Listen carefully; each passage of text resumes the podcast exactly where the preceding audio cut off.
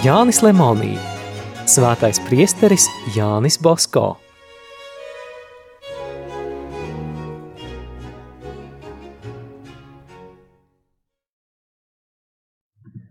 Tajā pašā gadā oratorijā īpaši svinēja visvētākās jaunavas Marijas dzimšanas dienu.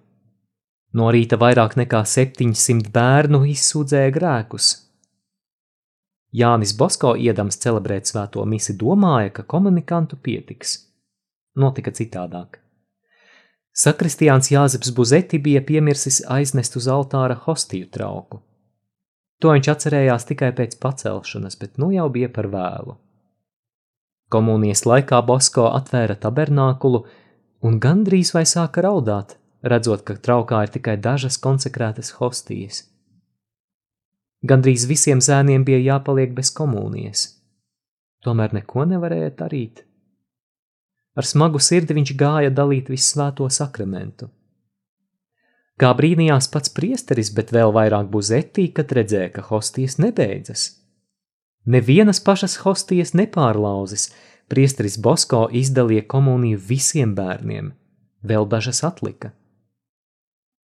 Pēc svētās mises buzetī to stāstīja draugiem, kas bija sanākuši, un parādīja, ka pilnais trauks ar hostijām tiešām palicis sakristējā.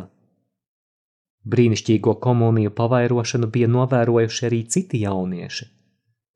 Viņi griezās ar jautājumu pie Jāņa Bosko, kas apliecināja, ka tā tiešām noticis. Kādu rītu raksta Jānis Brozio, jau agrāk minētais zēnu kapteinis. Pie priestera Bosko pienāca kāda paralizēta sieviete. To pavadīja cita līdzjūtīga sieviete. Kad viņa sacīja, ka grib runāt ar oratorijas vadītāju, es pagāju malā. Priesteris Bosko abas sievietes ieveda zakristējā. Pēc brīža paralizētā sieviete iznāca bez nojas saugdama – Priesteris Posko man izdziedināja! Vēl brīnišķīgāks notikums bija 1849. gadā. Kāds zēns, 15 vai 16 gadus vecs vārdā Kārlis, svētdienas oratorijas apmeklētājs smagi saslima un nomira bez grēksūdzes. Tā kā viņš nevēlējās nevienu citu priesteri, aicināja priesteri Bosko, bet viņa tajā laikā nebija mājās. Pēc kādas stundas Bosko atgriezās. Uzzinādams, ka zēna brālis bija viņu meklējis, priesteris tūlīt aizsteidzās pie mirstošā. Aizgājis viņš visus redzēja raudam, zēns jau bija miris. Priesteris Bosko it kā neticēdams lūdza mirušo parādīt. Kad viņš ienāca istabā, mirušais jau bija ietērpts un noguldīts. Tam līdzās ceļos nometušās bija māte un krustmāte, abas raudāja – galvgalī dega sēru lampiņa. Jānim Basko vispirms rūpēja jaunekļa dvēsele. Kas zina, priesteris domāja, vai viņš labi ir izdarījis pēdējo grēksūdzi? Kas zina, ko mūžībā iegūs viņa dvēsele? Pasaucis vecākus, Bosko lūdza, lai viņu atstāja vienu. Vecāki izgāja. Kādu stundu Jānis Bosko dedzīgi lūdzās, Pēc tam pieliecies pie mirušā, skaidri izrunāja: Kārli, Kārli, mosties! Mirušais sakustējās. Basko noņēma no viņa melno autu, kas tam bija pārklāts, un noslēpa sēru lampiņu. Zēns, kā no dziļa miega atmodies, atvēra acis, apskatījās apkārt, pacēla galvu un ierunājās: Ai, kāpēc es te guļu? Tad viņš ieraudzīja priesteri Bosko, Ieskatījās viņa acīs un iesaucās: Priesteri Basko, kaut jūs zinātu, es jūs tā gaidīju, man jūs bijāt ļoti vajadzīgs. Varbūt pats Dievs jūs šurp atsūtīja. Paldies, ka atnācāt mani pamodināt.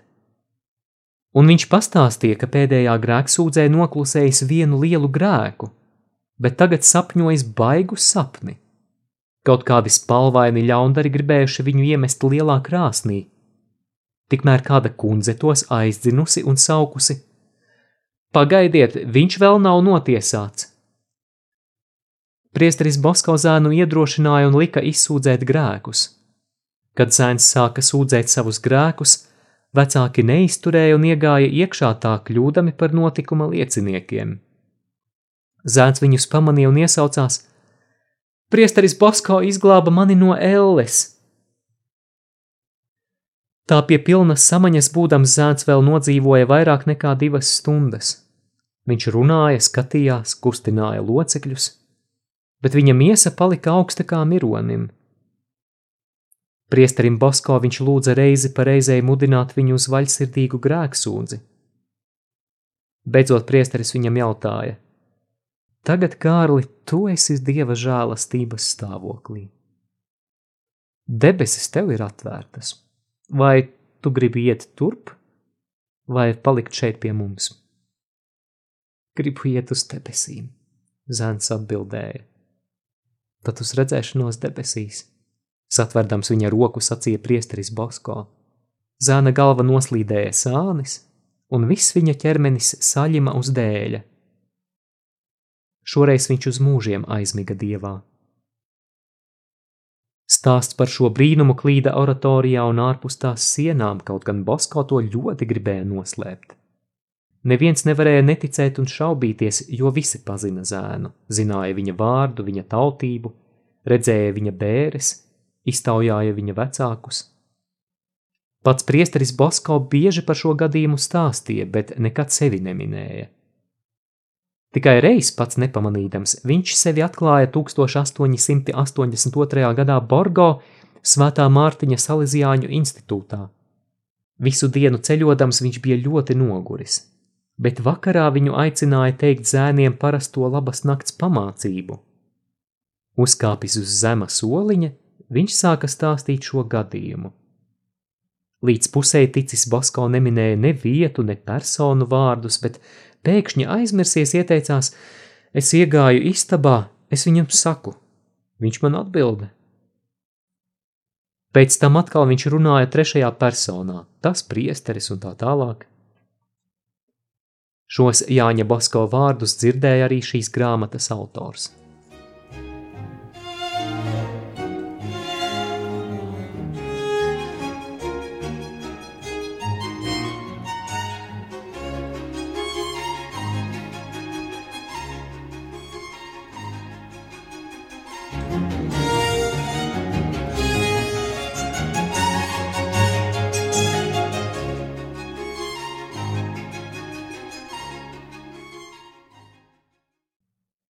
Minēsim šeit vēl kādu līdzīgu gadījumu. 1849. gadā visu svēto dienā priesteris Basko nolasīja zēniem baznīcā lūkšanu par laimīgu nāvi un aizveda visus uz kapsētu. Bija vairāk nekā 600 zēnu. Vakarā, atgriežoties mājās, priesteris Basko bija apsolījis viņiem pēc Piemontas paraduma izdalīt kādu maisu kastaņu – Margarita bija nopirkusi trīs lielus maisus kastaņu, bet domādama, ka lielākā daļa bērnu no kapsētas dosies tieši mājās, izvārīja tikai vienu maisu. Kad Bosko ar zēniem ieradās mājās, mātei kaut kur bija jāaiziet.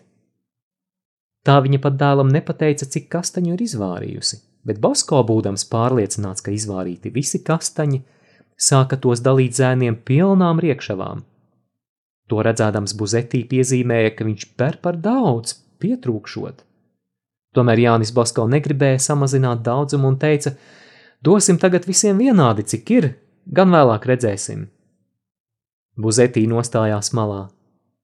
Priesteris ņēma ar pavārnīcu kastaņus un bēra katram cepurē, bet likās, ka grozā kastaņu nemaz nepalika mazāk. Tā viņš tos izdalīja 400 bērniem. Kad buzetī nesa grozu atpakaļ virtuvē, viņš redzēja, ka tur vēl ir palikušas divas lielas riekšavas ar kastaņiem. Visvētākā jaunava, kā redzams, bija atstājusi tādu pašu daļu arī priesterim Bosko. Buzetī par šo notikumu pačukstēja tikai vienam zēnam, bet, kad Bosko parādījās pagalmā, visi zēni sauca: Dons Bosko ir svētais! Priesterim Basko bija jānopūlās, līdz beidzot viņš tos apklusināja. Ikvienam bija stingri jāpiedraud. Bet ja mīlestība nevarēja izpausties tādā veidā, tā izpaudās citādi. Nedrīkstēdami saukt, viņi drūzmējās ap savu apustuli un nesāja viņu uz rokām pa pagalmu. Atceroties šo neparasto kastaņu pavairošanu, priesteris katru gadu visu svēto dienā mēdza oratorijas audzēkņiem un priekšniekiem izdalīt kastaņus. Par šo pavairošanu mums liecina Jāzeps Buzetī vārdos, bet Kārlis Tomatī rakstiski. Par šo notikumu patiesumu nešaubījās neviens tā laika priestera Jāņa Bosko audzēknis. Arī tulkotājam gadījās pāris reizes runāt ar diviem salīdzjāņu priesteriem, kas paši ir ēduši pavairotos kastaņus. Tomēr daudz vairāk par visiem brīnišķīgajiem notikumiem. Visi apbrīnoja priestera Bosko dedzību. Viņš reizi nedēļā sasauca visus centīgākos Turīnas priesterus uz pārunām, lai apspriestos, kā būtu iespējams ātrāk un sekmīgāk audzināt jaunatni – lai cīnītos pret plaši izplatīto izlaidību un neticību. Šīs sanāksmes bija, var sacīt, jau kaut kas līdzīgs Salesiāņu kongregācijas dibināšanas ieskaņai. Bet te vien visa priestera Bosko dedzība vēl neizpaudās. Tajā gadā it kā ekonomisko grūtību dēļ tika slēgts Turīnas garīgais seminārs. Neilgi pēc tam tika izraidīts arī arhibīskaps. Piespiests atstāt savu ganāmpulku, gudrais bīskaps lūdza priesteri Bosko parūpēties par patvērumu izdzītajiem semināristiem. Jānis Bosko tos izvietoja savā oratorijā. 1848. gadā Bosko oratorija kļuva par visas Turīnas un Piemontas priesteru semināru. Tas šeit atradās 20 gadus. Pats būdams noskrandis, priesteris Bosko nežēloja pūles un līdzekļus semināristu uzturam un apmācīšanai. Kļuvuši priesteri tie atgriezās savās diecēzēs.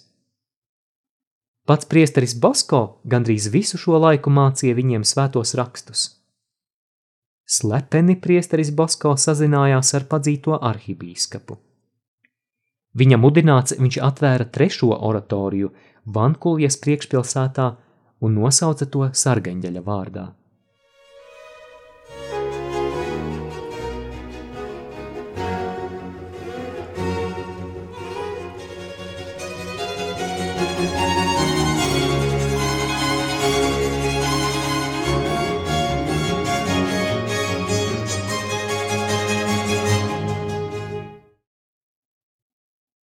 Tūkstoš 849. gads beidzās ar lielu notikumu – kas sevišķi skaidri parāda priestera rūpes par jauniešu dvēseļu glābšanu.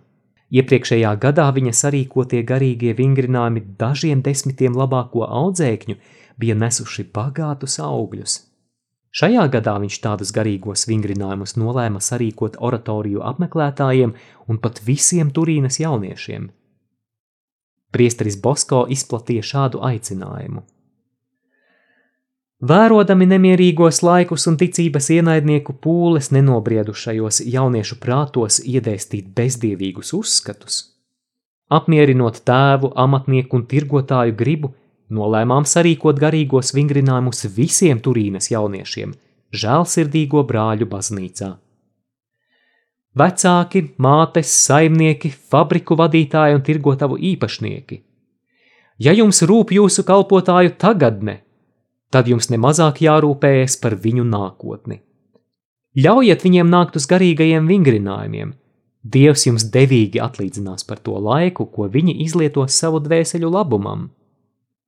Jaunieši, mani dārgie draugi, Dieva iemīļotie dēli, nebīsties no dzīves situācijas radītajām nērtībām. Nepalaidiet garām izdevību iegūt savai dvēselē bagātību, ko neviens jums neatņems. Visvarenais jūs aicina un grib ar jums parunāties, jūs apgaismot, jūs visus apveltīt ar žēlastībām. Izmantojiet šo izdevību. Jūs būsiet laimīgi, ja no pašas jaunības nesīsiet dieva baušļu maigo nastu. Labi būs tam, kas jau no pašas savas jaunības nes jūgu, saka svētie raksti. Jau pirmajā vakarā, 22. decembrī, žēlsirdīgo brāļu jeb tirgotāju baznīca bija pilna ar jauniem vīriešiem. Gandrīz visi tie bija amatnieki. Garīgos vingrinājumus apmeklēja arī seminārists Askānio Savio. Priesteris Basko bija uzaicinājis labākos sprediķotājus – kanoniķi Boserelli, priesteri Borelo, priesteri Pontī un kanoniķi Laurinu Gastaldī. Šis dvēseļu atjaunošanas darbs turpinājās septiņas dienas. Pēdējā rītā pēc prediķa priesteris Bosko visiem piemiņai izdalīja lapu ar virsrakstu Padomi jaunajai paudzei. Oratorijas auga un jūtami nostiprinājās. Visa pilsēta par tām runāja. Pirmajai neusticībai mazinoties par tām sāka interesēties arī valdība. Volpato kungs parlamenta pārstāvis ieteica priesterim Bosko bez starpniecības nodot savu darbu valdības aizgādībā un uzraudzībā, tomēr viņš atteicās. To neņemot vērā, draudzīgais valdības pārstāvis priestere Bosko vārdā iesniedza lūgumu senātā, lūgdams pabalstu. Senāts saņēmis lūgumu, nozīmēja komisiju, kas aplūkotu oratoriju un visu sīki pārbaudot, referētu plēnumam. Komisijā bija grāfs Friedrichs Sklopī, marķīs Ignacio Pelavčīnī un grāfs Aloīs Dikaleņo. Oratorijā viņi ieradās šķiet 1850. gada janvāra otrajā dienā. Tas bija pēcpusdienā. Oratorijas pagalmā bija ap 500 bērnu, kas mutuļoja kā ūdens katlā. Tas kungos radīja labvēlīgu iespaidu. Priesteris Bosko ar bērnu pulciņu pastaigājās, Ieraudzījis nepazīstamos kungus, viņš steidzās tiem pretī un, izdzirdis, ka viņi gatavo informāciju parlamenta komisijai, aicināja viņus vienkāršajā viesu istabiņā. Tur priesteris Bosko pastāstīja par oratorijas mērķi, par bērnu skaitu, par audzināšanas metodēm. Viņi pat nezināja, ka priesterim Bosko bija trīs oratorijas. Viens izbrīnījās jautāja, kā viņš spēja strādāt ar tik daudz bērniem – Priesteris Bosko vēl nepaspēja atbildēt, kad pie durvīm pieklauvēja kāds 12 gadus vecs zēns. Priesteris Bosko viņu pasauca un jautāja, ko viņš vēlas. Grāfs sklopī zēnu apskāva, priecājās par viņa nevainīgo dvēseli un pajautāja, ko dara viņa vecāki. Zēns nedroši, gandrīz raudot, atteica, ka tēvs viņam jau ir miris, bet māte ir cietumā. Visi komisijas locekļi bija aizkustināti. Brīdi klusējuši, viņi vēlāk uzzināja, ka priesteris Bosko līdzās svētdienas oratorijai bija nodibinājis arī patversmi. Bet kur jūs ņemiet līdzekļus, priesteri? Tie viņam jautāja.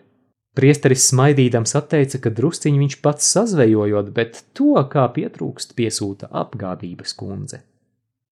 Komisijas locekļi labsirdīgi nosmējās. Vēl brīdi parunājuši pārstāvi iepazinās ar vakara kursiem – piedalījās zēnu dievkalpojumā un aizgāja ļoti apmierināti.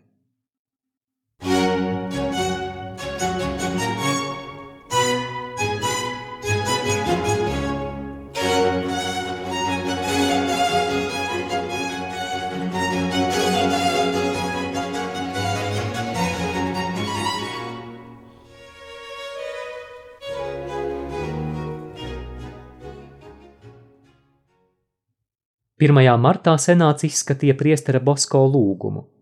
Referēja Marķīs Palavčīnī. Plēnums noklausījās labvēlīgo informāciju un vienbalsīgi nolēma sniegt atbalstu, kā arī nosūtīja lūgumu iekšlietu ministrijai. Ministrija piešķīra nelielu pabalstu visām priestera Bosko oratorijām. Tā priesteris Bosko kļuva valdības acīs par spējīgu un uzticamu cilvēku. Izskanēja lasījums no Jāņa Lemonija grāmatas Svētais priesteris Jānis Bosko.